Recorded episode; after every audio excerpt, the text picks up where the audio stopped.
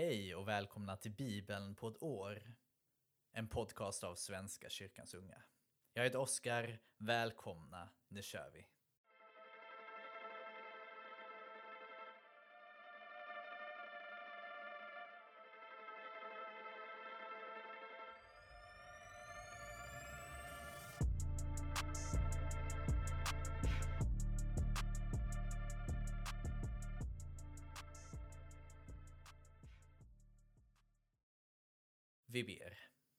Gud för idag. Tack för den kärlek du har för oss. Tack för att du ger oss värme när det är kallt. Tack för att du ger oss ljus när det är mörkt. Kom och lys upp vår tillvaro, Gud. Kom och värm oss i vår kyla. Sprid ditt ljus och din värme bland alla människor på jorden. Låt dem se vad det är som faktiskt betyder något. Att älska dig och att älska vår nästa.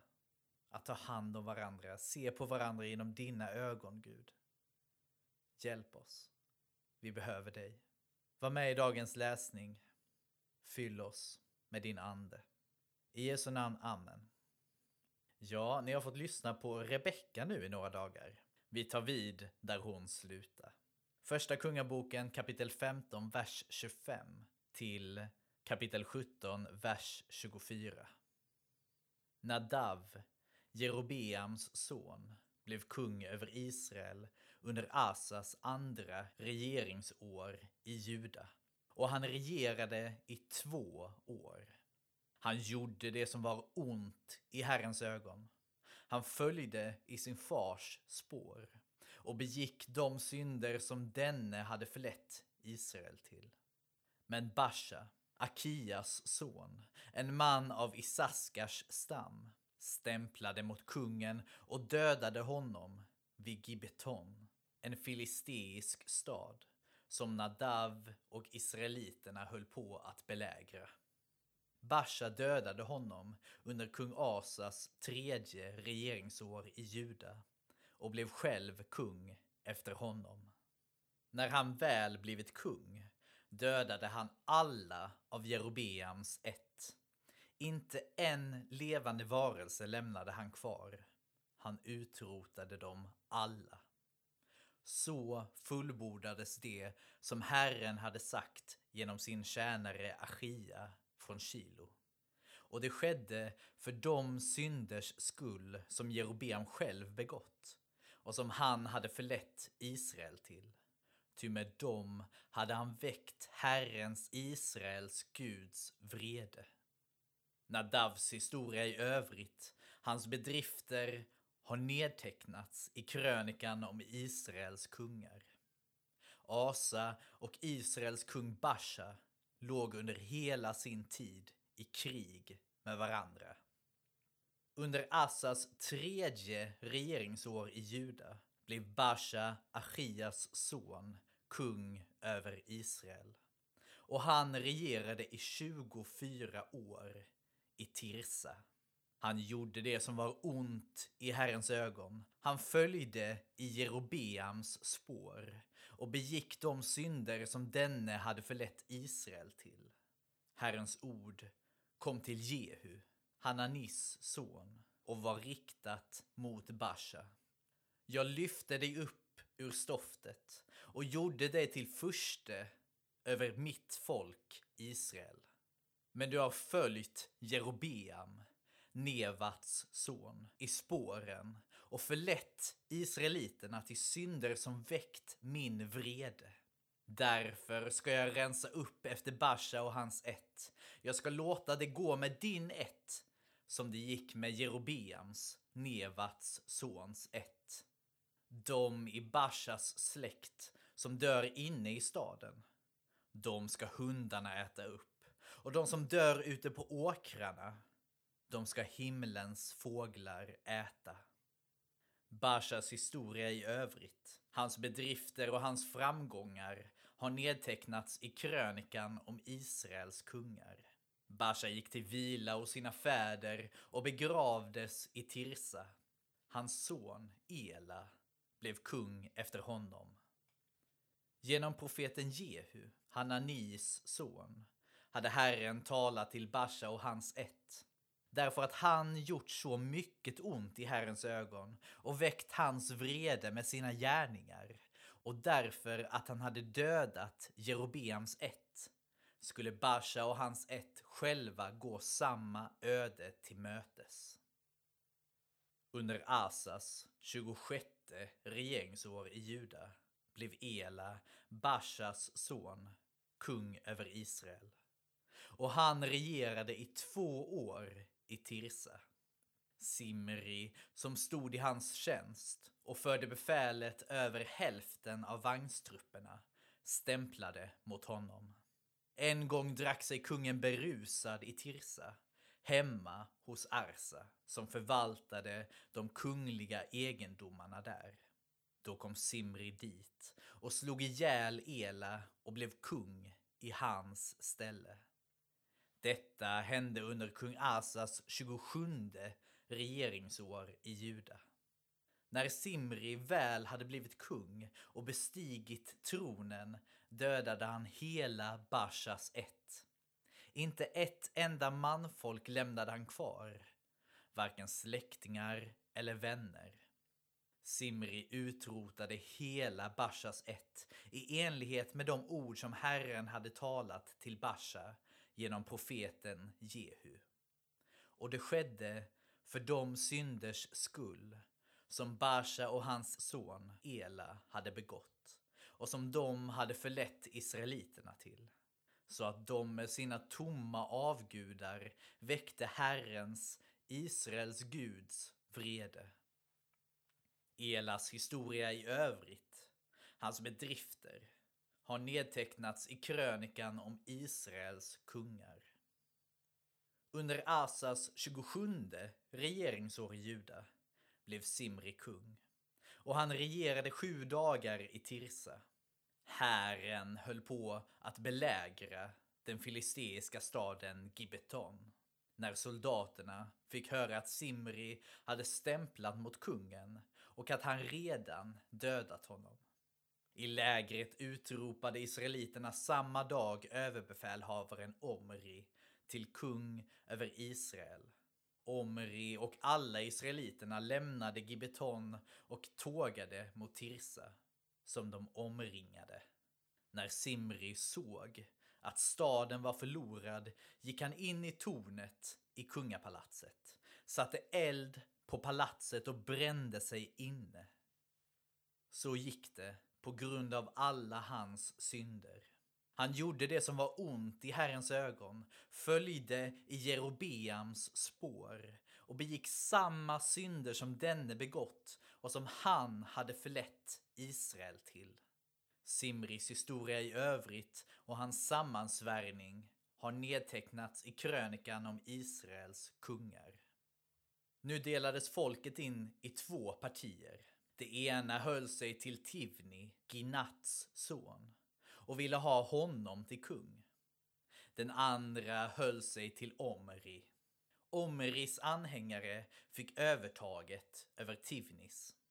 Tivni dog och Omri blev kung. Under Asas 31 regeringsår i Juda blev Omri kung över Israel. Och han regerade 12 år därav sex i Tirsa. Han köpte berget Samaria av Semer för två talenter silver och byggde där en stad som han kallade Samaria efter Semer som hade ägt berget. Omri gjorde det som var ont i Herrens ögon. Han gjorde mer ont än alla sina företrädare. Han följde på allt sätt Jerobeam Nevats son i spåren och begick de synder som denne hade förlett israeliterna till. Så att de med sina tomma avgudar väckte Herrens, Israels Guds, vrede. Omris historia i övrigt, hans bedrifter och hans framgångar har nedtecknats i krönikan om Israels kungar. Omri gick till vila hos sina fäder och begravdes i Samaria. Hans son Achav blev kung efter honom. Achav, Omris son, blev kung över Israel under Asas 38 regeringsår i Juda och han regerade 22 år i Samaria. Achav gjorde det som var ont i Herrens ögon, mer än alla sina företrädare. Inte nog med att han begick samma synder som Jerobeam, Nevats son. Han gifte sig dessutom med Isabel, dotter till fenikiernas kung Etbaal och började tjäna Baal och tillbe honom. Han reste ett altare åt Baal i Baals-templet som han hade byggt i Samaria. Achav lät också göra en asherapåle och mer än alla de som före honom hade varit kungar över Israel handlade han så att han väckte Herrens, Israels Guds vrede. På Achavs tid återuppbyggdes Jeriko av Hiel från Betel. Att lägga grunden till staden kostade honom hans förstfödde son Aviram. Och att resa porten kostade honom hans yngste son Segov. Så fullbordades det som Herren hade sagt genom Josua, Nons son. Elia, en man från Tishbe i Gilead, sade till Achav Så sant Herren lever, Israels Gud som jag tjänar. Under de närmaste åren ska det varken falla dagg eller regn annat än på min befallning. Herrens ord kom till Elia. Bryt upp. Ta vägen österut och göm dig i Kerits bäckravin, öster om Jordan. Där kan du dricka ur bäcken och jag har befallt korparna att förse dig med mat. Elia gjorde som Herren hade sagt. Han gick till Kerits bäckravin öster om Jordan och slog sig ner där. Korparna kom med bröd och kött till honom både morgon och kväll och han drack ur bäcken. Efter en tid sinade bäcken eftersom det inte hade fallit något regn i landet. Herrens ord kom till Elia. Gå till Sarefat vid Sidon och slå dig ner där. Jag har befallt en änka där att förse dig med mat. Elia gav sig iväg till Sarefat och när han kom till stadsporten gick där en änka och plockade pinnar till ved. Han ropade till henne. Kan du hämta lite vatten så jag får dricka? När hon var på väg för att hämta vattnet ropade han. Kan du ta med en bit bröd också? Hon svarade. Så sant Herren, din Gud, lever. Jag äger inte en brödkaka bara en handfull mjöl i krukan och lite olja i kruset. Här plockar jag nu några vedpinnar så att jag kan gå hem och laga till något åt mig och min pojke. Men när vi har gjort slut på det svälter vi ihjäl. Var inte rädd, sade Elia. Gå och gör som du har sagt, men baka först en liten brödkaka åt mig och kom hit ut med den. Sedan kan du baka åt dig själv och din son. Ty så säger Herren Israels Gud. Mjölet i krukan ska inte ta slut och oljan i kruset inte tryta fram till den dag då Herren låter regnet falla över jorden. Då gav hon sig iväg och gjorde som Elia hade sagt. Och både hon och Elia och pojken hade mat under lång tid. Mjölet i krukan tog inte slut och oljan i kruset tröt inte. Alldeles som Herren hade sagt genom Elia. En tid därefter hände det att sonen till kvinnan som ägde huset blev sjuk. Sjukdomen blev allt värre och till slut upphörde han att andas. Då sade hon till Elia. Vad har du här att göra, gudsman? Du har bara kommit hit för att låta min synd komma i dagen och för att döda min son. Han svarade henne, ge mig din son. Så tog han pojken ur hennes famn och bar upp honom till rummet på taket där han bodde och lade honom på sin säng. Han ropade till Herren. Herre min Gud, hur kan du handla så grymt mot denna änka som jag får bo hos, att du dödar hennes son? Och han sträckte ut sig ovanpå pojken tre gånger och ropade till Herren. Herre min Gud, låt pojken få liv igen. Herren hörde Elias bön och pojken började andas och fick liv igen. Elia tog pojken och bar honom från takrummet ner i huset och lämnade honom till hans mor. Se, sade han, din son lever. Då sade kvinnan till Elia, nu vet jag att du är en gudsman och att det verkligen är Herren som talar genom dig. Ja, det är ju lite svårt att hänga med i allt det här eftersom vi följer två kungariken samtidigt. Israel och Juda. Kung där, kung här, kung här, kung där. Och hur de gör samma fel om och om och om igen. De gör det som är ont. Gång på gång på gång på gång. Men också häftigt att få läsa idag om Elia och kvinnan och sonen. Hur sonen fick andas igen. Han lever. Din son lever. Vi fortsätter i Apostlagärningarna, kapitel 10, vers 24 till 48. Dagen därpå var han framme i Caesarea, där Cornelius väntade på dem tillsammans med sina släktingar och närmaste vänner som han hade bett komma. När Petrus skulle stiga in kom Cornelius emot honom och kastade sig vördnadsfullt för hans fötter. Men Petrus sade åt honom att resa sig. Stig upp, jag är en människa, jag också. Sedan gick han in under samtal med Cornelius. Där inne fann han många församlade och han sade till dem Som ni vet är det förbjudet för en jude att umgås med någon som tillhör ett annat folk eller att besöka honom. Men mig har Gud visat att man inte ska betrakta någon människa som ohelig eller oren. Därför kom jag utan invändningar när jag blev efterskickad och nu undrar jag varför ni har låtit hämta mig.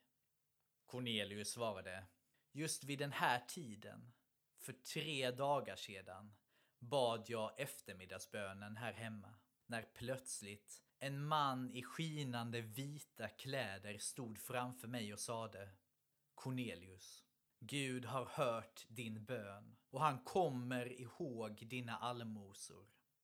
Sänd nu bud till Joppe och be Simon som kallas Petrus att komma hit. Han bor i garvaren Simons hus nere vid havet. Jag sände genast bud efter dig och tack för att du kom. Nu är vi alla samlade här inför Gud för att höra vad Herren har gett dig i uppdrag att säga.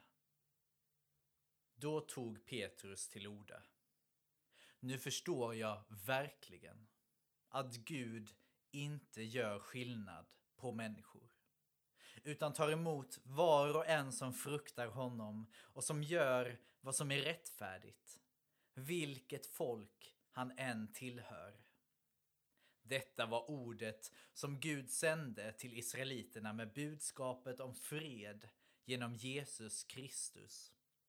Han är allas Herre. Ni känner till det som har skett i hela Judeen. Med början i Galileen efter det dop som Johannes predikade. Hur Jesus från Nasaret blev smord av Gud med helig ande och kraft och hur han vandrade omkring och gjorde gott och botade alla som var i djävulens våld. Gud var med honom. Vi kan vittna om allt han gjorde både på den judeiska landsbygden och i Jerusalem. Honom hängde de upp på en träpåle och dödade. Men Gud uppväckte honom på tredje dagen och lät honom visa sig. Inte för hela folket, utan för vittnen som Gud i förväg hade utvalt. Nämligen för oss som åt och drack med honom efter hans uppståndelse från de döda. Han gav oss uppdraget att förkunna för folket och vittna om att han är den som Gud har bestämt till att döma levande och döda. Om honom vittnar alla profeterna att var och en som tror på honom får syndernas förlåtelse genom hans namn. Medan Petrus ännu talade föll den heliga anden över alla som hörde hans ord. De omvända judar som hade följt med Petrus häpnade över att den heliga andens gåva blev utgjuten också över hedningarna. De hörde hur dessa talade med tungor och prisade Gud. Då frågade Petrus, vem kan hindra att de blir döpta med vatten när de har tagit emot den heliga anden alldeles som vi? Och han sade till att de skulle döpas i Jesu Kristi namn. Sedan bad de honom stanna några dagar. Ja, Gud gör inte skillnad på människor. Tänk vilken upptäckt Petrus, vilken insikt han fick här. Att Gud gör faktiskt inte skillnad på människor. Evangeliet är för alla. Juden främst, men också greken. Som vi nog kommer få läsa fler gånger framöver. Det är fantastiskt att vi alla faktiskt är Guds älskade barn.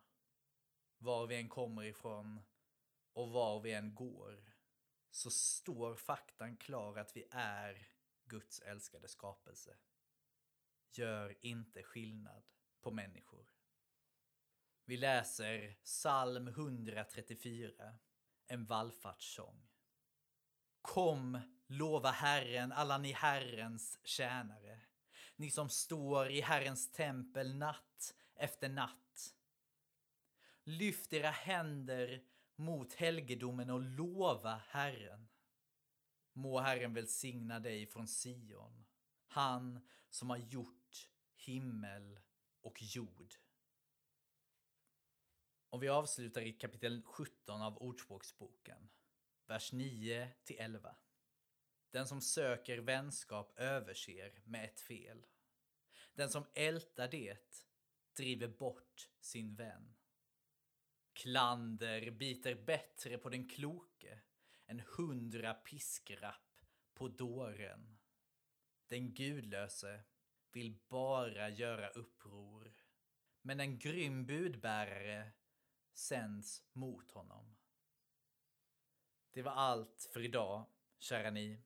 Vi ses igen nästa vecka. Ha det fint tills dess. Hej då.